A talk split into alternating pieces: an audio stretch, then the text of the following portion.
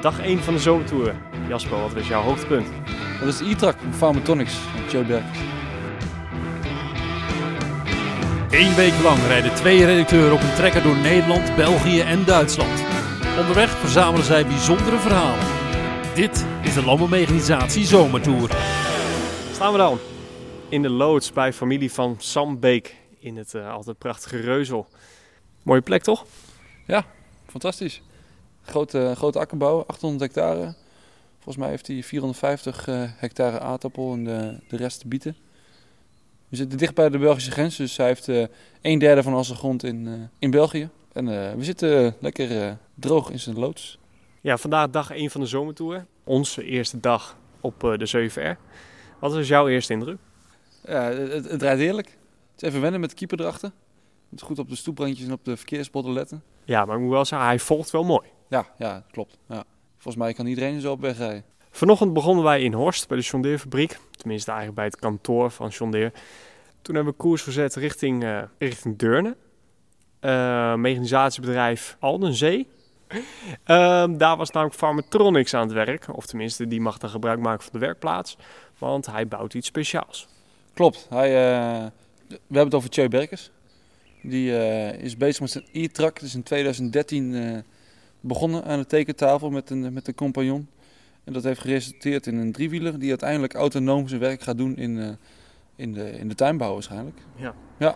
Ja, we moeten wel zeggen, we hebben eigenlijk ontzettend veel massa. Want dat ding rijdt dus nog maar een weekje.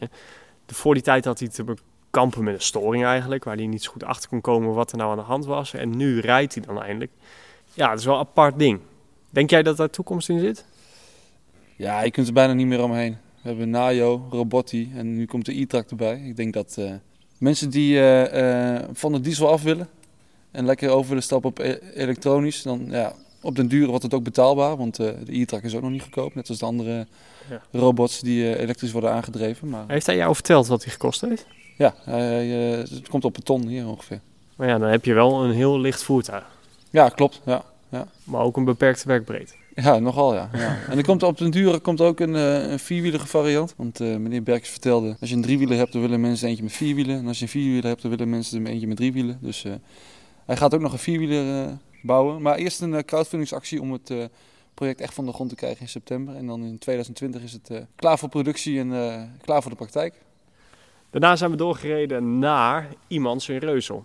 Die route dat had nogal wat voeten in de aarde.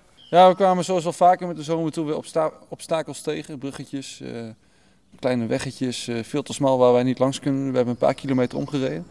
Maar uiteindelijk zijn we inderdaad bij iemand in Reusel terechtgekomen. Ja, een rondje door de fabriek gemaakt. Even met Jeroen Geerts gepraat natuurlijk, directeur van de fabriek. We hebben nog buiten staan kijken bij die, uh, bij die spitmachine met die nieuwe rol. Hoe heette die rol ook weer?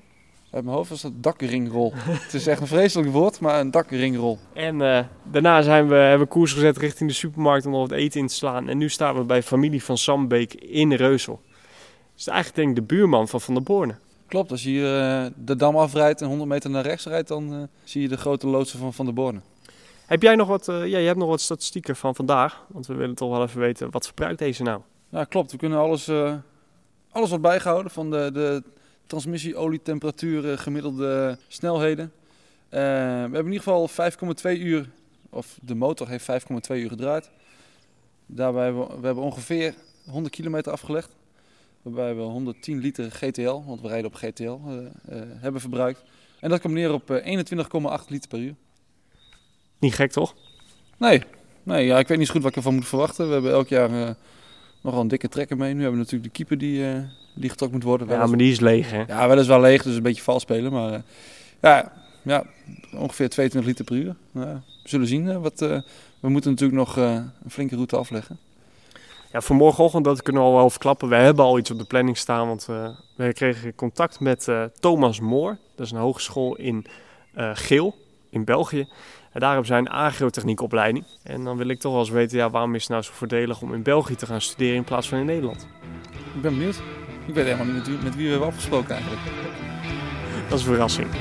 Hoi morgen.